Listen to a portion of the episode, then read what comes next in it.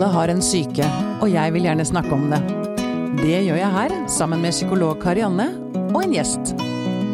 Dette er Pia om syke. Du Karianne, bra vel? Hei. Ja, hei. Velkommen. Takk. Eh.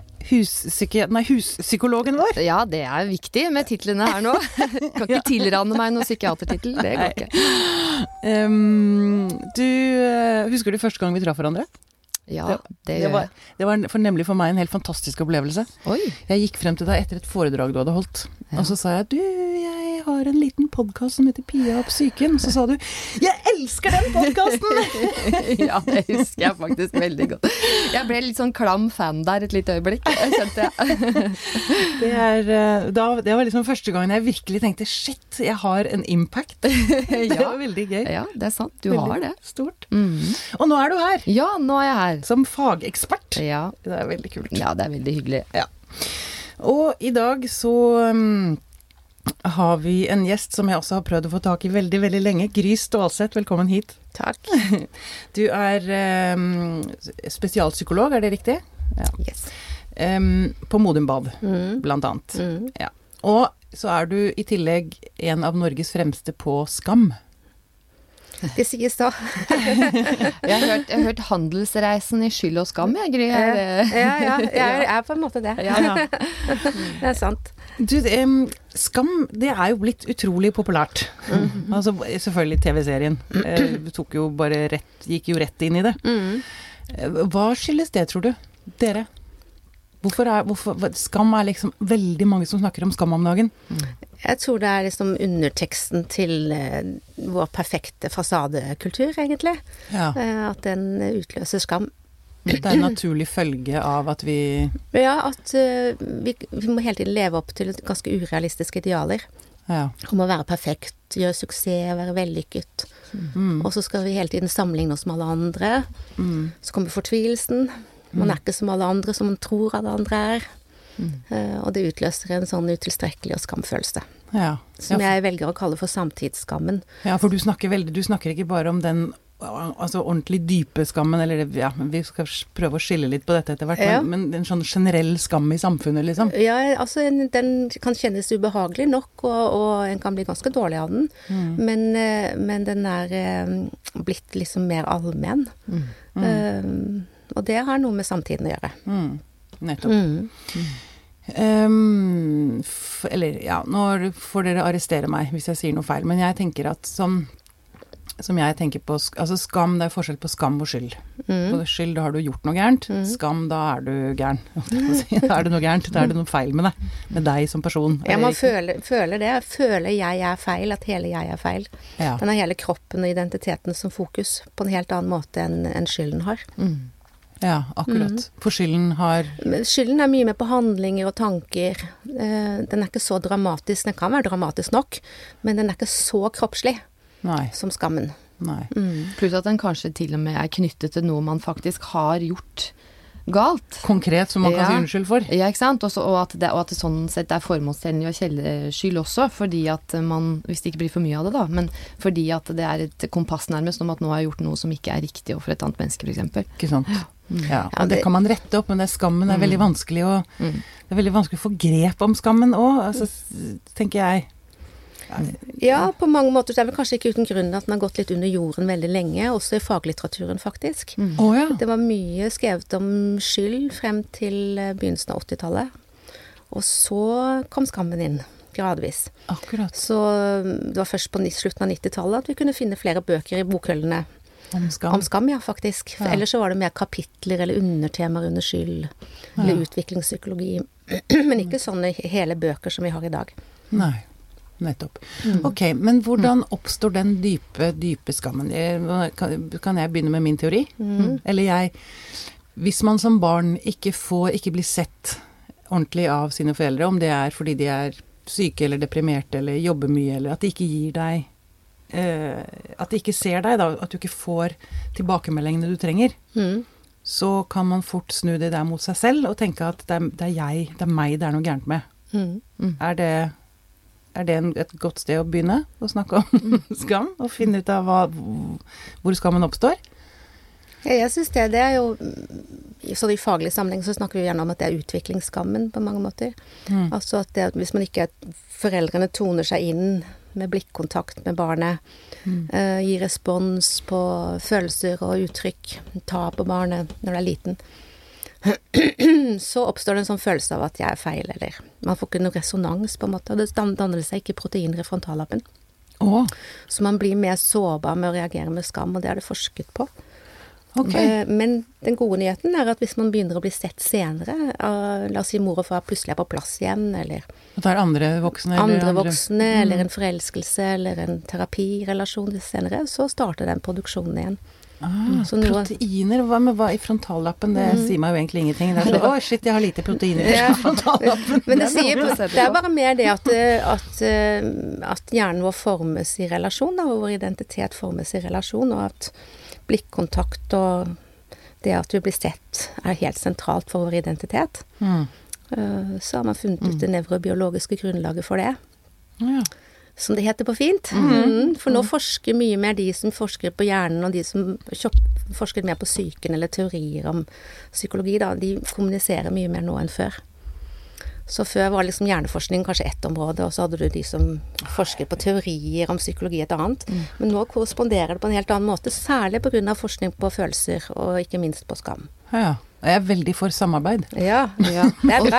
Og, og så syns jeg det er veldig Det du sier der, Gry, det er, det er noe veldig håpefullt i det. fordi når man kan eh, Når man leser mye om kilder til skam, eh, og ikke minst om traumeskammen, altså den som oppstår etter dype krenkelser, så kan man bli litt sånn eh, mismodig og fatalistisk, på en måte. At det aldri går bra.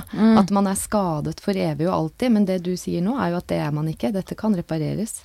Ja, og man kan heles i relasjon, og det er, som det heter på fint. Og det, altså, det er jo mm, Det skumle med skammen er at man isolerer seg veldig ofte. Altså, vi får trang til å trekke oss unna, ikke sant. Ja. Hvis jeg er skikkelig flau, så, så er, går jeg ikke og viser meg fram kanskje sånn med en gang, i hvert fall. Nei. Eh, eller blir veldig skamfull. Da er det veldig lett at man trekker seg unna. Mm. Og da får man heller ikke den helingen eller eh, repar reparasjonen. da. Det blir sånn dobbelt. Det er egentlig det er veldig, veldig dumt å trekke seg unna, egentlig. Ja, så vi trenger Veldig. egentlig veldig å hjelpe til. Så i det øyeblikket, som du sier, Karianne, altså i det øyeblikket vi kan hjelpe folk til å slutte å isolere seg. Altså kom, tørre å våge å, å gå i kontakt med andre mennesker igjen. Ja. Eh, Så eh, har det nettopp det potensialet at vi kan reparere ganske mye. Men må man ikke være forsiktig med hvem man Altså hvis man til stadighet har liksom fått høre, se, oppleve at man ikke er god nok Mhm, ah, så jeg, jeg kan kjenne den skrekken ved å prøve, da. mhm, Ikke sant? Og ta den sjansen. Og hva om noen da avviser meg igjen? mhm, Det er krise. Mm. Men uh, man må kanskje bare forsøke og forsøke og forsøke. Men det kreves mot, er det jeg ville frem til. Da. Mm, Det vi er jo litt sånn at vi beskytter oss, da. Altså, når vi har opplevd mye smertefullt eller avvisning, så kan det av og til være sånn at vi avviser først. Mm. Så trekker andre seg unna, og så kan de være litt brå tilbake når vi først åpner og tar sjansen. Ja. Og da er det jo noe med å tenke at kanskje ikke den første responsen er en totalavvisning, men bare en refleks tilbake på hvordan man selv har vært. Også Ah, hvis det er samme personen, f.eks. Det er jo noe vi blir til i relasjon. Så det er jo litt sånn hva slags beskyttelsesstrategier vi lager oss. Vi prøver jo å lage mest mulig avstand til smerten eller det ubehagelige Mm. med våre forsvarsmekanismer. Mm. Og, da, og de kan være mer eller mindre hensiktsmessig beskyttelse. Ikke sant? ja, ikke sant? Så noen ganger så skyver vi vekk akkurat det vi trenger mest. Mm. Og det er jo det som er så sårbart med oss. Ja. Mm. Men eh, hvis man eh, jeg håper å si lider av mye skam, eh, hvis man bærer mye skam, Mm. hvordan Som sagt, jeg, jeg, jeg tenker at den skamfølelsen Noe av problemet med den er at den er så vanskelig å kjenne. Altså få tak i på en eller annen måte. Hva er skam, liksom? Kan vi si noe om hvordan dyp skam uttrykker seg? Hvordan det kommer i, til uttrykk der ute i verden? Mhm. Mm. Jeg kan i si, hvert fall si noe om hvordan jeg tror den kjennes ut, da. Ja. Og det er jo ut ifra hvordan eh, Hva skal jeg si Man har jo i mye større grad begynt å beskrive hvordan ulike følelser kjennes i kroppen, og en har mye mer systematisk kunnskap og forskning på det. ja. Og det som går igjen når det gjelder den dype skammen, er at det er en vertikal smerte inn mot ryggraden og ned mot mellomgulvet, som er veldig ubehagelig. Og som, Oi, jøss, det har jeg aldri hørt før. sånn, sånn at så sånn sett så kan man lære å kjenne den, og vite at det er det Vertikal inn mot ryggraden. Så når, når for eksempel Karianne nevnte den, den dype traumeskammen, da, som er jo mange som vil tegne den, vil tegne den som svart og tagget og nedover hele eh, Fra brystet og nedover, men inn mot ryggraden og ned mot mellomgulvet, for eksempel. Og den er så ubehagelig at eh, en gjør nesten hva som helst for å holde den unna, for den er så vond. Sånn at eh, vi har jo over, over hva skal jeg si, hver tiende ungdom skjærer seg opp, kutter seg. Hver tiende ungdom. Det er de offisielle tallene, og så har vi mange Er det så mange? Ja, det er så mange, og da kan du tenke deg hvor utholdelig det er, det man har inni seg som en trenger øyeblikkelig å få regulert på en eller annen måte. Og flytte. Så da den å, å skjære seg opp er på en måte en lettelse til forskjell, til, til forskjell fra den ubehagelige, vonde skammen som er den dype. Ikke sant? Ja. Så sånn kan den kjennes ut. Ja, ja. Men, og, og, men det er utrolig krevende også å holde dem på avstand. Ja, altså Det er ja. veldig smertefullt, fordi man kan tenke Det er slitsomt. Ja, veldig slitsomt. Og den er, jo, liksom, den er jo nesten litt sånn instinktivt, på en måte. Altså den kan tenke deg hvis du Det å rødme, for eksempel, er jo et tegn på at man skammer seg. Og, og man kan prøve å tenke seg at man skal prøve å unngå at man rødmer, når man rødmer. Altså nå skal jeg få vekk den rødmen jeg får i ansiktet. Det er jo nesten umulig, ikke sant? Som er et tegn på hvor, hvor krevende det er. Også å skulle prøve å holde det unna. For jeg kjenner jeg blir, jeg blir ganske berørt. Jeg kjenner igjen det du snakker om. Mm. Eh, og, men for meg så tenker jeg at det, det, mm, det ligger så mye gråt der. Eh, for det kan også Altså skam kan også komme til uttrykk via Altså uttrykksformene skammen har, da. Mm. Det er veldig interessant det med gråt, fordi det er så mange forskjellige former. Mm. Sånn, du kan høre en trist gråt vil være helt annerledes enn en skamgråt, eller en sint gråt, eller en sjalusigråt. Så det lyt, hvis du lytter deg inn til de, så er det helt annen toneart, eksempel, eller kroppsspråk. Wow. Toneart, så nydelig. Så liksom, du tenker liksom på La oss si en sjalusigråt. Du tenker på et barn som er sjalu og oppmerksom. Sjalu skifter jo gir. Han begynner med lyden på ett nivå, og så uh, og så uh, og så enda høyere helt til den får oppmerksomhet. Mm. Mens uh, en trist gråt så, og en, en, kanskje en traume, særlig hvis man har vært rammet av traume, så er det jo en, en helt annen dypere hulk, ikke sant, som er helt annerledes. Mm. Sånn at uh, ulike former for gråt også utløser ulik respons hos oss. Ikke sant? Noen typer gråt kan vi lure på er jeg kald, eller hvorfor responderer jeg ikke her? Mm. Mens en annen gråt blir man jo helt liksom berørt, kjenner det i hele kroppen hos en annen. Mm. Sånn at eh, responsen handler også noe om hva, hvor, hvor kommer gråten fra hos den andre. Ikke sant? Er det, er det Oh. sjalusi, er det skam, eller krenkelse, eller er det traume, eller er det tap? Mm. Og er den frigjørende, ikke Mm, minst. Altså, ja. man, kan, man kan gråte mye, men det gjør like vondt etterpå. Altså, man, ja, for det også lurer jeg på. Ja. Det der å komme inntil For jeg Ja. tenker at det er jo så skummelt også å begynne å nærme seg den skammen. Mm. Og det kan være vanskelig å få tak i den gråten, da, selv om jeg kan lengte etter den som en sånn frigjørende Mm. gråt. Mm. Men, altså, jeg vet ikke hva som står i veien, liksom. Eh, Men det er vel kanskje frykten for å se den, eller jeg vet ikke. Det er, vel, det er vel særlig hvis man skammer seg over reaksjonen eller tristheten. Mm. Særlig i, i dag så er det så innmari mange som skammer seg over det å være trist. Det er liksom det mest upopulære man kan være. Mm. man skal i lykkelandet Norge, altså da. Er man mislykket nesten. Mm. Mens tristhet er jo en utrolig verdifull følelse. Ikke sant? Den Mm. Forteller om hva som er viktig for oss, og hva vi, savner, og Ja. hva vi lengter etter. Og, Mm. og vi kan lytte til god musikk, eller vi kan gå i dybden av poesi, eller eh, Det er mye Eller se eller se dårlige amerikanske sitcomer. Ja, ja, og bare være Og Ja, lyst til å være i den melankolien litt, liksom. Du vet jo det. Jeg vet ikke hvilken musikk dere hører på når dere skal være gode og melankolske. Åh. Å, nå må jeg Det jeg tenke på det. Ja, det er et godt spørsmål. For jeg vet at jeg kan søke meg dit. Ja, Men um, Nick Cave er jo en, en klassiker. en klassiker. Ja. Og Leonard Cohen. Ja, Lena Det er mange, ikke minst. mange som tenner på peisen og Ja. på en måte liksom setter seg inn i den skikkelige stemningen der. Ja. Mm. Ja. ja. ja. Sånn at det er jo mye som er verdifullt med den. Mm. Eh, Men hvis det er tabu ikke sånn, altså, vi Jeg syns det var så spennende med hun svenske som skrev den boken 'Melankolske rom'. Har du lest den? Nei. Nei. kom bare for noen år siden, så var det handlet veldig mye om, om, hvordan følelser og diagnoser har så veldig kulturuttrykk. ikke sant? Hvordan det endrer seg. Mm. Og hvordan på en måte melankoli var høystatus ja, før. Sant? Mm. Ikke sant? De som kom til mm. Modum Bad for veldig lenge mm. siden, de var jo, det var liksom litt status. Mm. De var liksom gode melankolikere mm. eh, fra sos høye sosiale lag. Men så ble kvinnene mer Da ble det depresjon. Å, når kvinner kom på banen, ja, ble det depresjon? Ja, det sies sånn i forhold til den analysen da. Og så var det ikke like status lenger. Og så var det også noe med med f.eks. spiseforstyrrelse var en del av melankolien. Men mm. nå er det på en måte mm. Nå er det liksom mye ikke forstått som en del av det triste eller melankolske mm. på samme måten, sånn som jeg kjenner det, da. Så det ja, fordi, sånn. Jeg tenker også melankoli um, Det er liksom kunstnere mm. er melankolske. Det er, en, det, er et mye finere ord på en eller annen måte enn depresjon mm. er liksom så Men det kan, det kan kanskje ha forandra seg, liksom hvordan man forstår det gjennom historien, men, mm. men, det kulturelle uttrykket i dag tenker man jo er ganske likt. Altså de har jo gjort studier av japanere, f.eks., mm. sant, som, som, man tenkte har de ikke følelser, har de ikke skam, har de ikke tristhet? Fordi de, de, de skal jo ikke vise ansiktsuttrykk. Eh, og så har de vist dem filmer i en veldig mørk eh, kinosal, og så har de jo hatt eh, kamera på de. Altså infra, infra, infrarødt infrarød kamera, en liten overvåkelse der. Og så ser de jo at de har når, når, de tror at ingen ser dem, mm. så har de nøyaktig de samme ansiktsuttrykkene knyttet til følelser som det man ser er universelt. Mm. De, har bare en, de har bare en enorm selvkontroll? Ja, det er en kulturell norm, altså at man ikke skal uh, vise det simpelthen. Men det er jo litt sånn som du også sa da, Gry, mm. hos oss òg. Altså, og jeg, tenk, ja. jeg, tenker jo ofte at unge um, Jeg syns jo selv det kan være ganske tøft å mm. operere i dagens verden med sosiale medier og ikke mm. sant.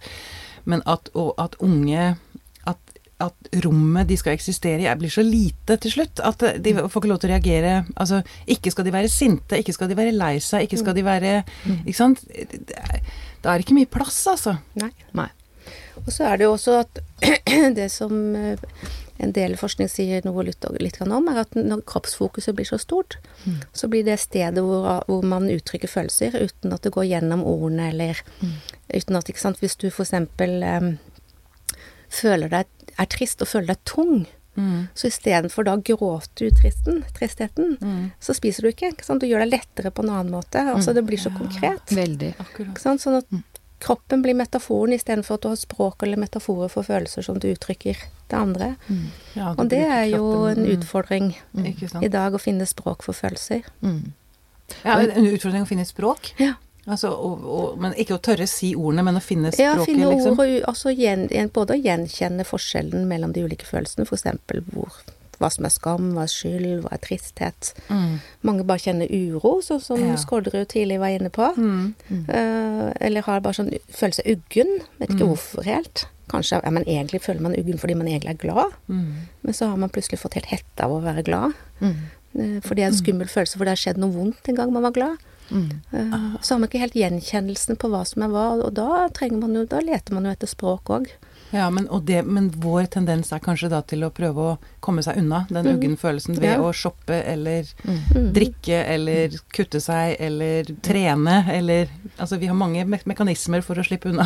mm, vi bøyer av på ulike måter mm. i kommunikasjon. Flytter vekk fra hverandre mye mer i kommunikasjonen. Mm. Mm. Og de gangene jeg syns det kommer språk på det For man, man har jo historier hvor, hvor, mennesker kan stå fram, unge mennesker kan stå fram og fortelle noe om hvor, hvor vanskelig det var, men det bærer kanskje litt preg av sånn overlevelsesberetninger. Altså at det er noe som har skjedd en gang. Mm. Eh, og, og, når det er ferdig og over, så kan man si noe om det. Men, eh, men det blir ikke snakket så mye om underveis. Underveis, nei.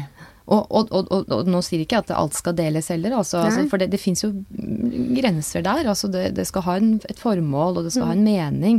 Eh, men det er noe med å våge å kjenne etter, da. Mm. Finne et språk på det. Mm. mm. mm.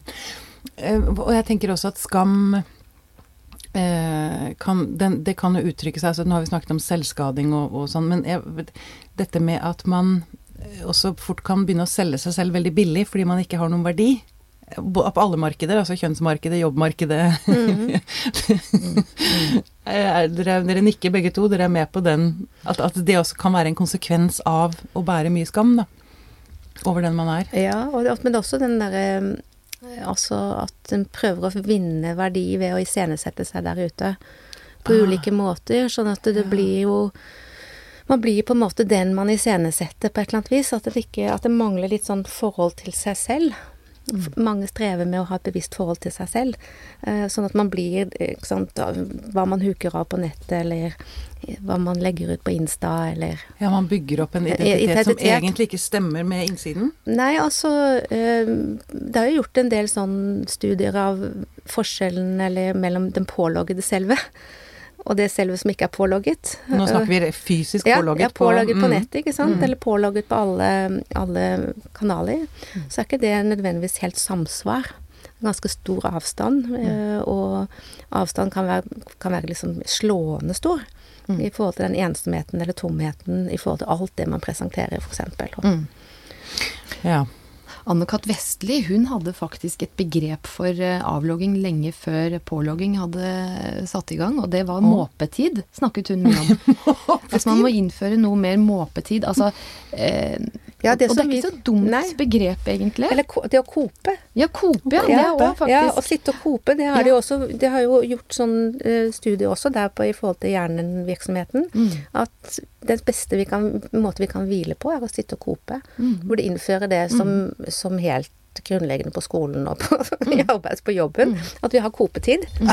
Ja, det syns jeg har lyst til å gjøre uttrykket. Prøve det. Sitte og kope. Så, ja, ja. Måpe. For da kan det skje faktisk ganske store ting. Altså, for det er som vi snakker om når identitetsdannelsen skjer, og identitetskonstruksjonen skjer ute på sosiale medier, hvor det blir catwalken på en måte, så blir man jo mer til for andre enn for seg selv, og man mister kanskje grepet eh, om hvem man er, eller hvis man i det hele tatt har hatt det. Mm. Ja. Så det er ikke noe dum idé. Det er veldig lurt. Nå skal jeg jeg syns alle nå skal ta dette måpeansikt. Mm. ja. Måpe. Bare glo. Ja, ja. ja for dere bruker mye krefter på å liksom ha det perfekte mm. ansiktet og se mm. hyggelig og imøtekommende ut. Det er veldig deilig å slippe det. Se tomt ut i luften. Se tomt ut i luften med en munn som henger litt. Ja. Kanskje tillate seg selv å se litt dum ut. Mm. Jeg har bare lyst til å gå tilbake til noe du så vidt var innom, Gry. Ensomhet. Mm. Det har jeg faktisk tenkt på før denne episoden vi skulle spilles inn. Fordi jeg har jo vært uh, åpen om at jeg har en bipolar lidelse, at jeg har vært voldtatt. Uh, men noe av det Jeg merker det nå når jeg begynner å nærme meg det, å si at jeg er ensom. Mm. Mm. Og en sånn jeg, jeg, snakker ikke om at jeg ikke har venner og sånn, men en sånn opplevelse av en avgrunnsensomhet som har vært med meg alltid. Mm. Eller, ja Det å si at man er ensom, det tenker jeg er noe av det mest skamfulle vi kan gjøre i dag. Er dere enig i det? Dere nikker begge to? Ja. Mm. Ensomhet er en eh, Det er en eh, Ja. Og det er så ja. vondt.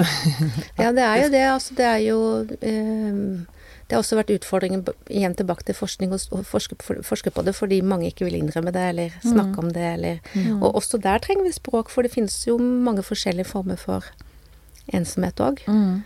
Du har den avgrunnsensomheten som du snakker om, eller som også kan mange si er mer eksistensiell, eller du har den som er på en måte å ikke føle helt tilhørighet, mm. men litt sånn utenfor fellesskapet. Mm.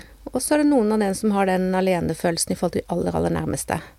Altså at man ikke føler seg alene. Man er ikke alene fysisk? Nei, men... og man kan trives i alenerommet. Mm. Uh, men det å Men de aller nærmeste, mor, far, søsken, partner, mm der kjenner man seg kjempealeine. Mm. Mm. Så han forfatteren Øvin Jalom, som har skrevet mange romaner som jeg vil anbefale, som både Kari Janne og jeg har lest Hva het han, sa du? Øvin Jalom. Øvin Jalom. Han har skrevet sånn som da Nietzsche gråt, 'Kjærlighetens bøddel', mm. ja. 'Lying on the couch', altså både å ligge og live på terapeutbenken. Mm. Uh, han skriver om ensomhet, da og at det er mange forskjellige former for, for ensomhet. Og at også uh, var han besøkte oss på Modum Bad, mm. og da var kona med. Så begynte de å krangle. Og diskuterte Nei, det, hun mente det var kjønnsforskjeller. At gutter og menn hadde en, en annen form for ensomhet enn kvinner. Mm. Og det var mer den intrapsykiske, som hun kalte det, eller de kaller det. Nemlig det at man er mest ensom i forhold til de aller nærmeste. Og det mente hun at var fordi unge gutter må løsrive seg fra mor mm. uh, i ungdomsårene, og da uh, har de ikke noe å dele følelser med. Da er det liksom ah, kompisene og mer gjørefellesskap med far. Det er jo litt tradisjonelt kjønnsrollebeskrivelse, da. Mm. Men så tenkte jeg liksom at uh, kanskje vi skulle sjekke det ut i forhold til pasientene våre, da. Jeg spurte mange pasientundervisningsgrupper, da. Og de deprimerte, blant de deprimerte så var det mest menn som kjente seg den ensomheten. Mm. Men så var det mange av de på spiseforstyrrelse som strevet med det, som også kjente seg igjen. Og traumer. Mm. Eh, Men det, det var en forskjell. I hvert fall når man slet med depresjon, at mange av de var det veldig mange var inntrykket, da. Med gjentatte ganger, men ikke, ikke sånn systematisk forskning, da. Hvordan Ja. Mm, Ja, det er interessant. Eh, Altså, ensomhet er Det skal vi ta på det dypeste alvor. Mm. eh, Fordi eh, disse nye ung datastudiene, de nye som har kommet nå, de er jo nokså alarmerende når det gjelder ensomhet. Fordi de er jo de som viser at ungdommen vår nå er De er flinkere og, og har det bedre med foreldrene og ruser seg mindre enn noen gang. Men det har aldri vært rapportert så høye tall på ensomhet. Eh, og jeg reiser jo innimellom rundt til ungdomsskoler og, og snakker med ungdom, og så har det vært noen ungdomsskoler jeg har vært på hvor jeg har spurt dem, hva, fordi det er gjort studier på det, hva er den største risikofaktoren for død? Altså det er gjort en sånn kjempestor internasjonal studie med mange, mange mennesker i studien. Og så kunne man jo tenke at det er røyking, eller at det er forurensning, eller for mye alkoholbruk. Og så har jeg spurt ungdommen, veldig mange ungdommer om det, og så sier de at de tror det er ensomhet. Mm. Og de har rett. ja. Det er faktisk den prediktoren som er størst. Mm. Eh, og det sier noe Det er bare så vondt, fordi Ja, når man litt- kjenner på ensomhet, så Ja. altså, leser man dem Jeg har jo sett sånne overskrifter 'Ensomhet er farligere enn å røyke og Ja. drikke og alt på en gang'. Så nei. Men, det, men jeg tror, jeg tror, eh, jeg, jeg tror dypest sett så er vi alle ensomme, på en måte. Altså det er noe sånn eksistensielt over det også. Eh, og spørsmålet er om vi eh, kjenner oss aleine. Det er forskjell på det du sier, Gry, med å være aleine og det å være ensom. Altså har man noen mennesker man kan ringe, har man noen man kan snakke med, eh, så er man kanskje ikke så ensom, men man kan kjenne seg litt aleine, da. Mm. Jeg tror det er viktige distinksjoner her. Jeg tror, For min del så tror jeg at jeg kjenner meg mer ensom i de periodene hvor jeg ikke deler av følelser og opplevelser med andre. Ja. Mm. Så jeg tror at det er oppskriften på å bli ensom, er å ikke dele følelser og opplevelser. Og det er litt skummelt i en kultur hvor, Mm. hvor det på en måte er flaut å si hvordan man har det. Ja, ikke sant? Jeg vet ikke det blir hvordan- en sånn ond sirkel Ja. her. Jeg mener, hvordan svarer dere hvis noen spør hvordan har du det? Det kommer veldig an på hvem som spør. og hvordan det blir spurt, Ja. i hvilken setting det blir spurt. Mm. Men eh, oppskriften for å komme seg, eller for å, jeg holdt på å si både skam og ensomhet, da. Altså hvordan Du hadde jo Vi begynte jo på det. Altså det er veldig lurt å prøve. Altså å ta sjansen. Mm, Er det andre ting Ja, dere ja nei, også det, med- altså det er jo litt sånn eh, Apropos det der med hvordan man svarer når noen spør hvordan har du det. Mm. Jeg vet i hvert fall at hvis jeg bøyer av Jeg kan gjøre det på et sånn mikronivå uten, uten at jeg nødvendigvis vet det. La si for eksempel at eller øyeblikket tenker på det. Uh, hvordan har du det? Jo, takk, eh, det er veldig mye på jobben for, for tiden, for eksempel. Mm. Da har du egentlig ikke svart? Men den andre syns den har fått et svar. Mm. Ikke sant? Sånn at den, da kan den opprettholde en alenefølelse, eller kunne jeg sagt noe om f.eks. akkurat stemningen jeg var i, eller Mm. Selvfølgelig er jeg enig med deg, hvem, hvem snakker man til? Ikke sant? Og, men- og, og spørsmålet Jeg er redd for å, å være påtrengende. Ja. Ikke sant? At, Ja. jeg må, at den andre blir nødt til å forholde seg til meg, og gå inn i det, da. Mm. Mm. For det er også ikke sant? Man er jo så redd for å være til bry. Ja. Det var en som sa på en av de pasientene som hadde kommet tilbake på modenbad etter en stund, da. Spurte, hadde vi oppe som en sånn samtale om hva, hva sier man til folk når folk spør. Og han sa da jo takk, det går sakte opp og ned. Og så var det en annen som, var det en annen som foreslo for å slippe, da. En annen som foreslo det at ja, men du kan spørre hvis noen spør hvordan har du det? Jo, enn du, da? Man bare hopper over det i det hele tatt, ikke sant? Deflekt. Ja, så vi, vi gjør jo det Mm, ikke sant, på gode måter. Så hvis vi kan av og til stoppe oss selv i, å, i den lille liksom, avbøyningen, Ja. eh, og våge det litt grann mer. Mm. Men jeg skjønner det med invadering, altså. At Ja, mange, man er redd for- ja, Å være påtrengende. Mm. Men jeg, men jeg tror òg at eh, vi, vi, vi må prøve å komme til et punkt hvor vi aksepterer oss selv også på et eller annet plan. Altså Mm. eh, det, Jeg kan kjenne meg både skrøpelig og skakk, jeg, innimellom. Og så er det jo det vanskelige da er å kjenne at men det er ok. Akkurat nå er det ok. Mm. For i det, i det øyeblikket jeg kan klare det, så kan jeg jo også våge å si noe om dette andre. Da blir det litt mindre skamfullt og litt mindre flaut. Da. Mm. Eh, så jeg tror det jo er viktig. At man kan våge å si nei, nå er det litt skrøpelig akkurat nå. Og jeg tenker, akkurat nå tenker jeg mm, oi, jeg føler meg mindre ensom enn jeg har gjort på lenge av denne Ja. samtalen. Ja. det, det er fint det derre møtet, Mm. altså, og, og ja. Mm. Um, og er så, jeg har jo så mange flere spørsmål jeg har lyst til å stille, men jeg, jeg må ta én ting, fordi jeg har fått et spørsmål fra en lytter. Mhm. Hvordan man best bærer med seg et traumatisert barn.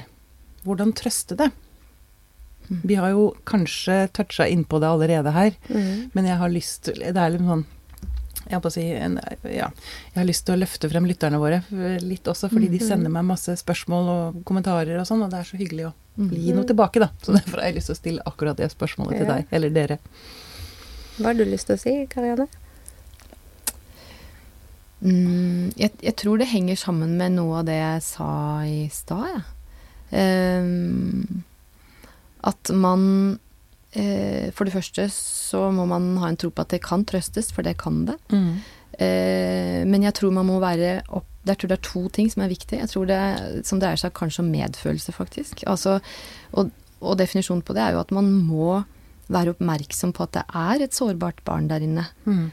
Og hvis man holder på med de tingene vi har snakka om nå, med, med avledninger og distraksjoner og sånn, så er det vanskelig å få øye på. Så man må først ta det på alvor. Mm. Og så må man ha en vilje til å gå inn og trøste det, og gjøre noe med det. Ja. Og det kan være å gi seg gode ting, det kan være å ta imot trøst fra andre, det kan være å prøve metaforisk sagt å sette seg sjøl litt på fanget, på sitt eget fang. Mm. Eh, vugge, stryke. Eh, prøve å møte mm, de selvkritiske tankene som jeg kan se for meg fort kan være der hvis man bærer på mye traumeskam, med mer eh, forstående, aksepterende Mm. tanker. Mm. Jeg tror det er viktig. Mm. Mm. Gry?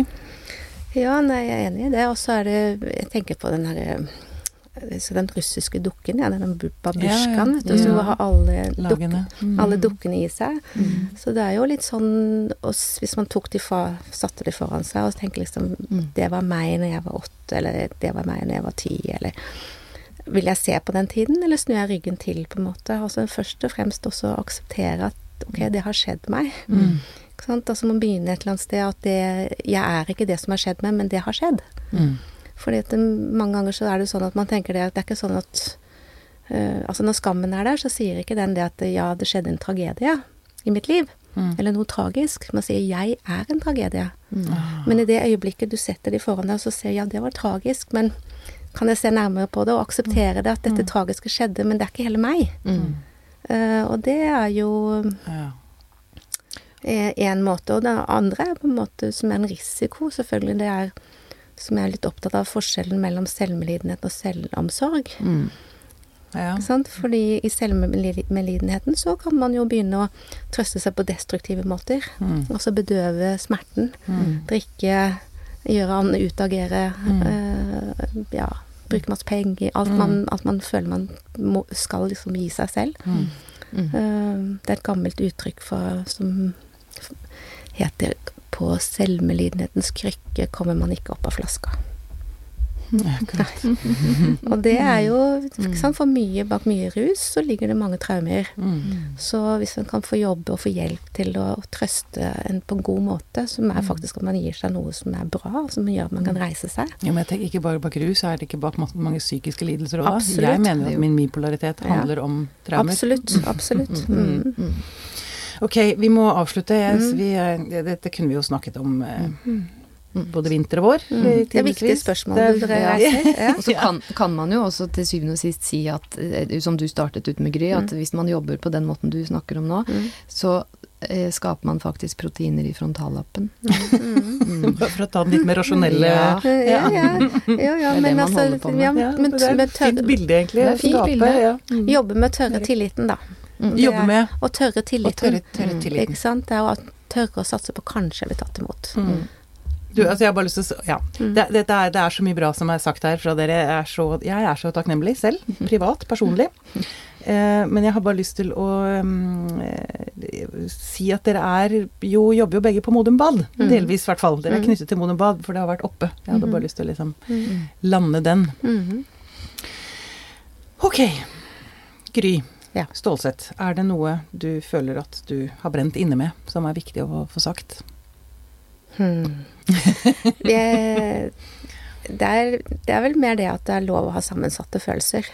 Ja. At uh, vi kan både være sint på noen og glad i noen samtidig, og vi kan være eh, triste, jo, ikke sant. At det er lov å være trist uten å på en måte å skulle skamme seg over det. Mm. Eh, altså det er mer det å våge værmeldingen, da. Si noe til andre at Våge værmeldingen. Ja, for eksempel da sier jeg i dag er jeg litt sånn Kanskje litt på grineren, men det har ikke noe med deg å gjøre, for eksempel. Man bør ikke informere om hvorfor, men, man kanskje Ja, men det er bra, komme, komme, komme litt med litt sånn 'Hallo, her er jeg i dag'. Ja. Sant? Så normaliserer en det. Ja. Og det trenger vi. Normalisering. Normalisering. Åh, det er veldig for. Veldig, veldig for. Åh, tusen takk skal dere ha, begge Ja. to. Veldig bra samtale. Takk for at vi kom med.